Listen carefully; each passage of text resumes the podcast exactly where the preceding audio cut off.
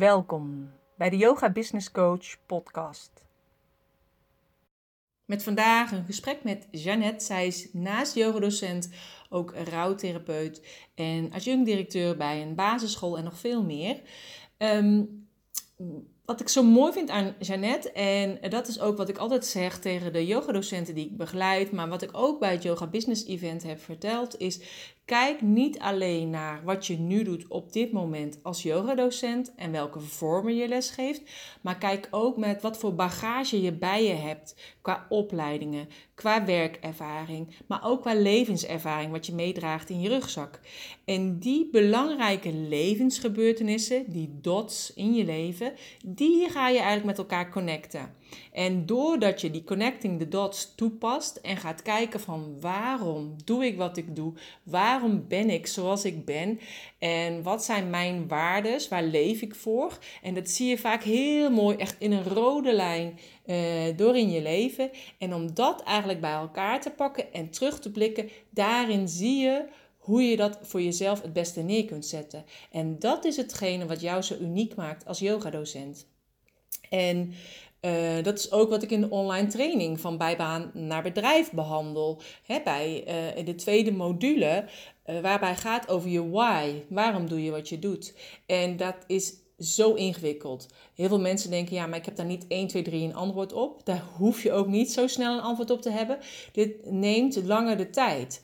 En uh, je pijn is vaak je goud. Dat heb ik ook nog bij het Yoga Business Event gezegd. Dus kijk, waar zit je pijn? En probeer die pijn, dus eigenlijk van bepaalde levenservaringen of uit je werk of wat dan ook, om te zetten naar jouw goud.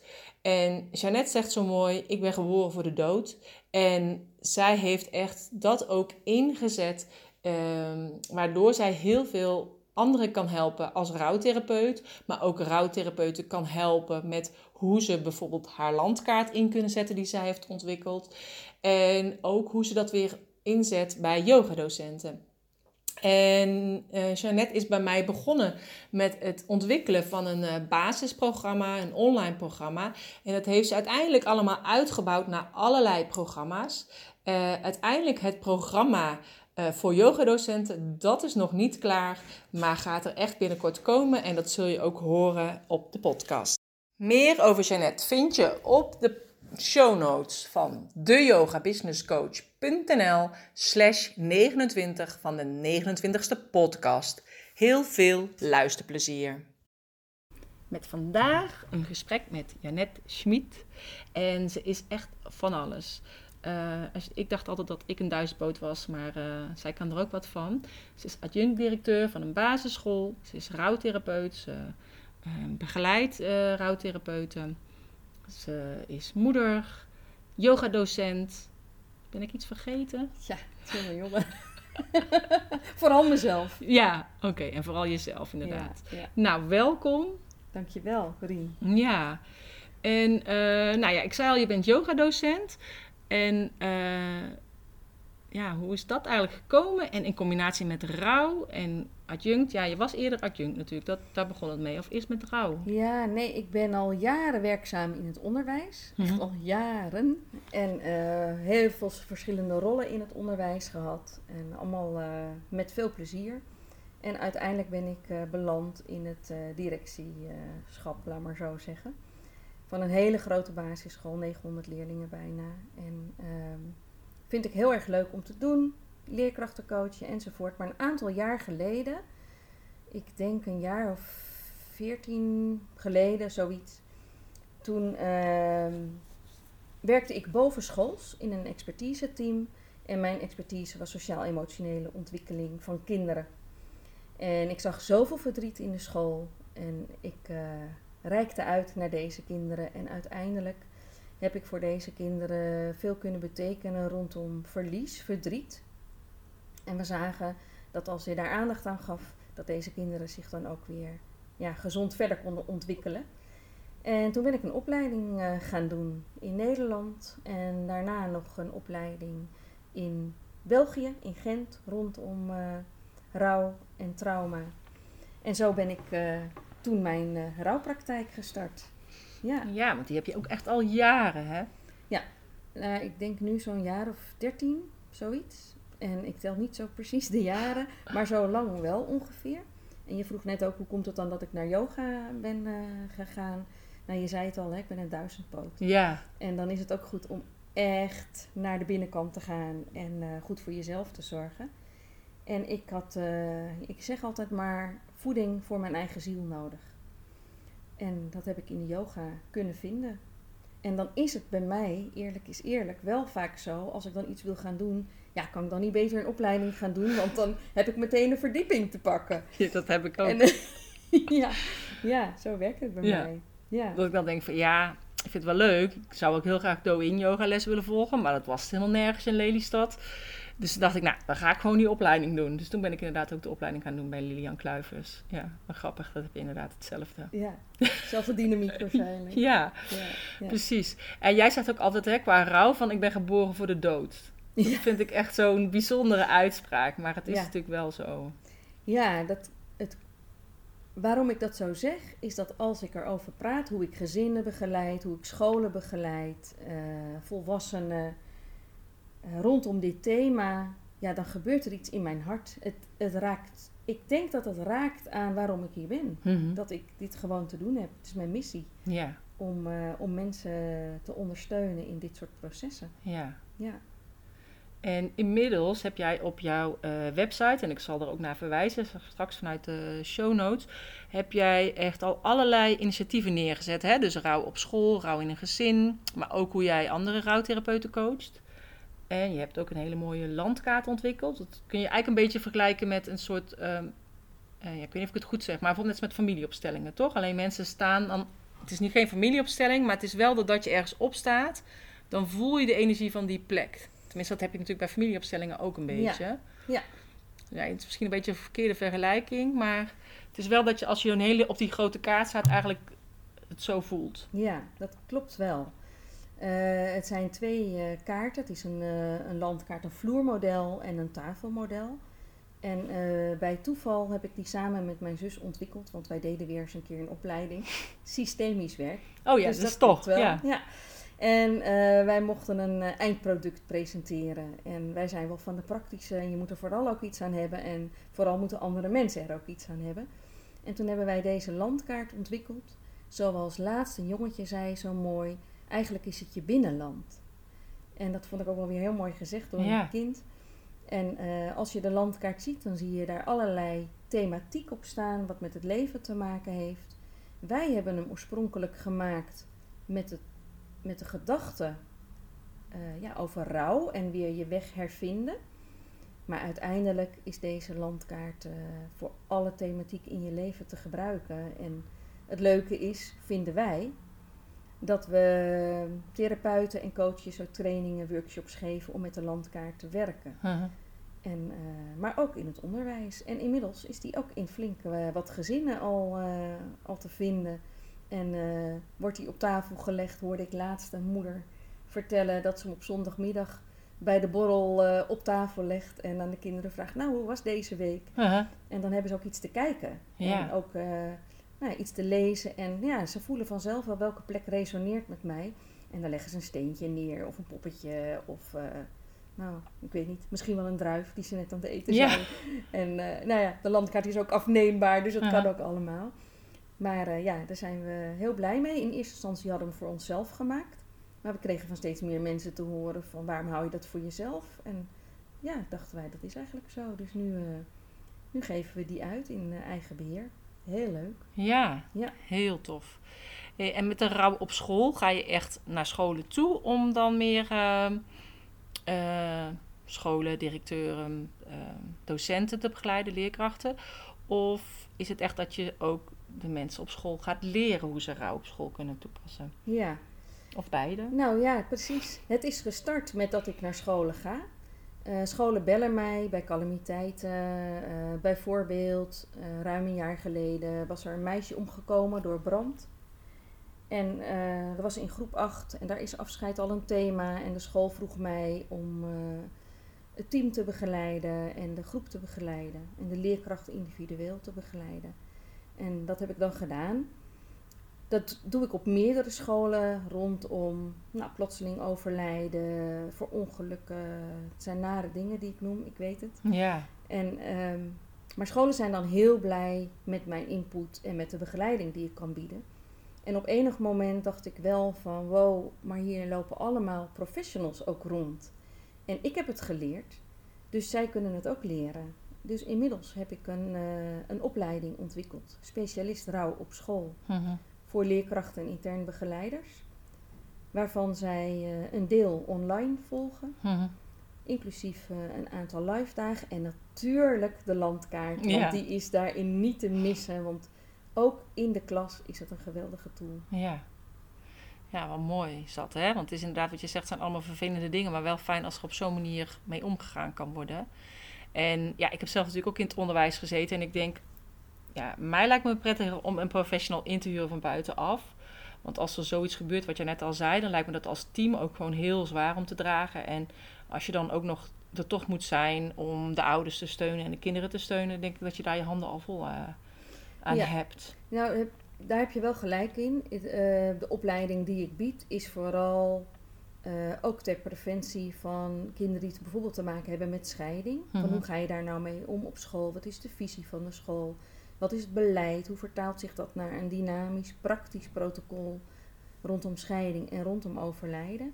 En ik adviseer scholen ook bij die heftige calamiteiten, zoals ik ze net noemde, eh, om dan wel een extern persoon ook daar nog bij uit te nodigen. Ja. Ehm, stel dat het gaat om een ouder die komt te overlijden, dan is het heel mooi als je wel een specialist rouw op school hebt, zodat die zelf ook een ouderbijeenkomst kan verzorgen. En zodat die persoon ook de klas in kan gaan met de leerkracht om met de kinderen in gesprek te zijn. En wellicht de leerkrachten ook eh, tips en adviezen te geven, want in elke klas zitten risicoleerlingen. En het is zo mooi als een school nou, ook even kijkend naar duurzaamheid. Hè? Als een school zelf iemand in huis heeft die Ja. dat kan verzorgen. Dat is, zou in principe natuurlijk beter zijn. Ja, we hebben ook rekenspecialisten op school, taalspecialisten. En rondom sociaal-emotionele ontwikkelingen. Want daar gaat het eigenlijk om. Van hoe leren we kinderen omgaan Ja. met teleurstellingen, verdriet. Kleine tegenslagen, maar ook de pittige grote. Mhm. Ja. Ja, ja, zeker. Ja, en je noemde net ook al, zeg maar, inderdaad rouw over eh, verdriet voor verlies van een kind of ouder, maar ook eh, scheiding, want dat hoort natuurlijk ook bij rouw. En dat heb ik eigenlijk ook pas ingezien eh, nadat ik ja, meer met jou toen ben gaan werken. Dat ik dacht, oh ja, dat is eigenlijk ook rouw, want je hebt een ander toekomstbeeld voor je, wat in één keer niet meer de toekomst is. Ja, precies. Voor de kinderen, maar ook voor de ouders natuurlijk, als er scheiding is. Ja, ja. En ik praat natuurlijk veel met ouders rondom scheiding, maar ook ouders die een partner hebben verloren. En als we kijken naar de taken, hè, de verliestaken, de rouwtaken, waar je doorheen gaat, maar waar je ook weer in terug kunt vallen in zo'n groot proces, dan zijn die taken wel gelijk. Mhm. Maar de ervaring van beide groepen, zowel scheiding als rondom overlijden, zijn anders Mhm. de impact van de dood heeft op een mens en op de omgeving is, is anders van kleur dan de impact rondom scheiding. Ja. En daar zie ik dan wel weer veel verdriet bij volwassenen als het gaat om scheiding. Want Mhm. die staan er ook hè, ineens alleen voor de dagen dat je de kinderen hebt. Mhm. En dat is gewoon heel zwaar voor Ja. mensen. En voor beide groepen geldt wel, je hebt je eigen proces. Dat is al een klus, een hele grote klus. En tegelijkertijd heb je de processen van je kind of van je kinderen. En ieder kind reageert ook weer anders, Ja. zoals een volwassene ook weer anders reageert. Dus eh, ja, dat zijn klussen voor ouders hoor. Het is dan geen standaard boekje, hè? Er zijn natuurlijk heel veel boeken over geschreven, maar Ja, er zijn heel veel boeken over geschreven. met- door welke processen je allemaal doorgaat. Maar ja, uiteindelijk is iedereen natuurlijk anders. Dan gaat Ja. er anders mee om. Ja, en daarom is het zo mooi als je jezelf zo goed daarin leert Mhm. kennen. En ik zeg altijd tegen kinderen, het liefst waar de ouders bij zijn, zodat die het ook meepakken. Toen je geboren werd, had je geen eh, gebruiksaanwijzing. En je ouders, die hebben die gebruiksaanwijzing ook niet. Dus die Hmm. moeten jou helemaal daarin leren kennen. Maar zichzelf ook, Mhm. in dit stuk. En beetje bij beetje kom je daarachter. En om even het bruggetje te maken naar de yoga. yoga is natuurlijk een geweldig iets ter ondersteuning van rouwprocessen. Omdat je Hm. dan zo gericht bent ook op je binnenkant. En over hè, hoe ervaar ik dit nu? Of waar zit de grens bij mij in een bepaalde houding? Ehm, hoe voel ik mij? Ja. Wat is mijn gebruiksaanwijzing? Wat is mijn gebruiksaanwijzing? Ja. En hoe goed is dan dat je je eigen lichaam goed kent? Ja. Ja, dat denk ik ook. En het fijne is natuurlijk van jou voor yogadocent, want je bent ook ooit bezig geweest met het programma maken voor yogadocenten en rouw voor scheiding. Die gaat er ook nog komen, toch? Voor Ja. de docenten die nu luisteren, die denken, Ja. oh, dat is wel interessant. Want Ja. ook als yogadocent, ja, tenminste heb ik ook wel vaker te maken gehad met eh, vrouwen die op les laten, die hun partner hebben verloren. eh, of eh, vrouwen die inderdaad in scheidingen lagen. De meeste vrouwen natuurlijk bij mij op les. Ook wel af en toe een man. Maar ehm, ja, dan is het als, fijn als yogadocent dat je eigenlijk ook wel weet hoe kan je daarmee omgaan. Ja, dat, dat is echt heel fijn. Hè, mag je iemand wel aanraken? Niet aanraken is altijd al een thema natuurlijk bij de yoga. Maar rondom die processen kan dat nog meer een trigger zijn voor iemand eh, om daar eh, nou ja, op een negatieve manier op te reageren. Maar inderdaad, ik heb een programma ontwikkeld dat heet eh, Vrouw en Yoga. En dan mag je de V tussen haakjes eh, bedenken. Mhm. Dus dan is het rouw en yoga. Voor zowel eh, ehm, volwassenen die te maken hebben met scheiding als met overlijden. Mhm. En met dat programma eh, ja, heb ik eigenlijk een pilot gedraaid met een aantal vrouwen die te maken hadden met deze thema's. Om te kijken van welke verschillen hebben zij nou ervaren na zo'n eh, na zo'n periode. En dat waren dan zes bijeenkomsten. Mhm. Ieder met een eigen thema, gekoppeld aan yoga, de chakrapsychologie. En natuurlijk had de landkaart daar dan ook weer een plek in. Die komt elke keer weer terug. Ja, dat is zo'n verbindend iets. En eh, mensen vinden het ook zo fijn om daarmee te werken. En eh, nou, na die pilot, ik was er zelf echt verbaasd van wat een eh, wat, wat verschil mensen hadden Ja. opgemerkt in nou, het waarnemen van, van ja, wat zij in hun lichaam voelden. Eh, hoe zij zich voelden. Dus ik had een checklist vooraf eh, gevraagd of ze wilden scoren op verschillende domeinen, hoe ze zich voelden. En na de hand weer, een groot verschil. En dat eh, na zes keer. Nou is het niet zes keer een uurtje. Nee. Ik heb steeds gedaan eh 2,5 uur. Mhm. Omdat je echt mensen willen dat er aandacht is ook voor hun verhaal. Zonder dat het heel therapeutisch wordt. Mhm. Dat was ook niet mijn insteek. Maar meer ondersteunend. En eh, nou ja, wat ik nog voor ogen heb, is daar een online training voor te maken. Niet gericht op de yoga, want daar zijn alle yoga-docenten expert in. Mhm. Maar wel in het stukje rouw. Hoe, hoe herken je dingen? En hoe ga je daarmee om als docent? Ja, precies. En hoe kun je dat dan in deze methode Mhm. zelf gaan toepassen? Ja. Want dat noem ik het wel, een methode. Het Ja. is een, eh, ja, al zeg ik het zelf, ik, ik- je ziet het aan mij, dat zien de, de luisteraars niet, maar als ik hierover praat, dan, Dan ga je gebeurt- helemaal stralen. Ja, er gebeurt er echt iets in mijn hart. Nou ja, en ik denk, je bent er natuurlijk ook al heel lang mee bezig. In je hoofd is die al helemaal al klaar. Hij staat Ja. op papier ook al klaar, Ja. volgens mij. Ja. Alleen elke keer zijn er andere dingen die eh, belangrijker waren of voorrang hadden. Of eh, dat soort dingen. Nou, dat klopt. Ja, ik heb natuurlijk die opleiding ontwikkeld voor leerkrachten. En ik heb een eh, programma voor ouders ontwikkeld. Een online programma voor ouders rondom scheiding, kletskoek en appeltaart. En een programma voor ouders rondom overlijden. Mhm. Dus dat zijn ook hele grote klussen geweest. En eh, hartstikke leuk om te doen. En eh, ik denk dat, nou, dat ik zo in de loop van dit jaar ga beginnen aan, Dat dat gaat komen. aan deze training. Ja, Nou, het lijkt me echt super tof. ja, ja echt. Ja.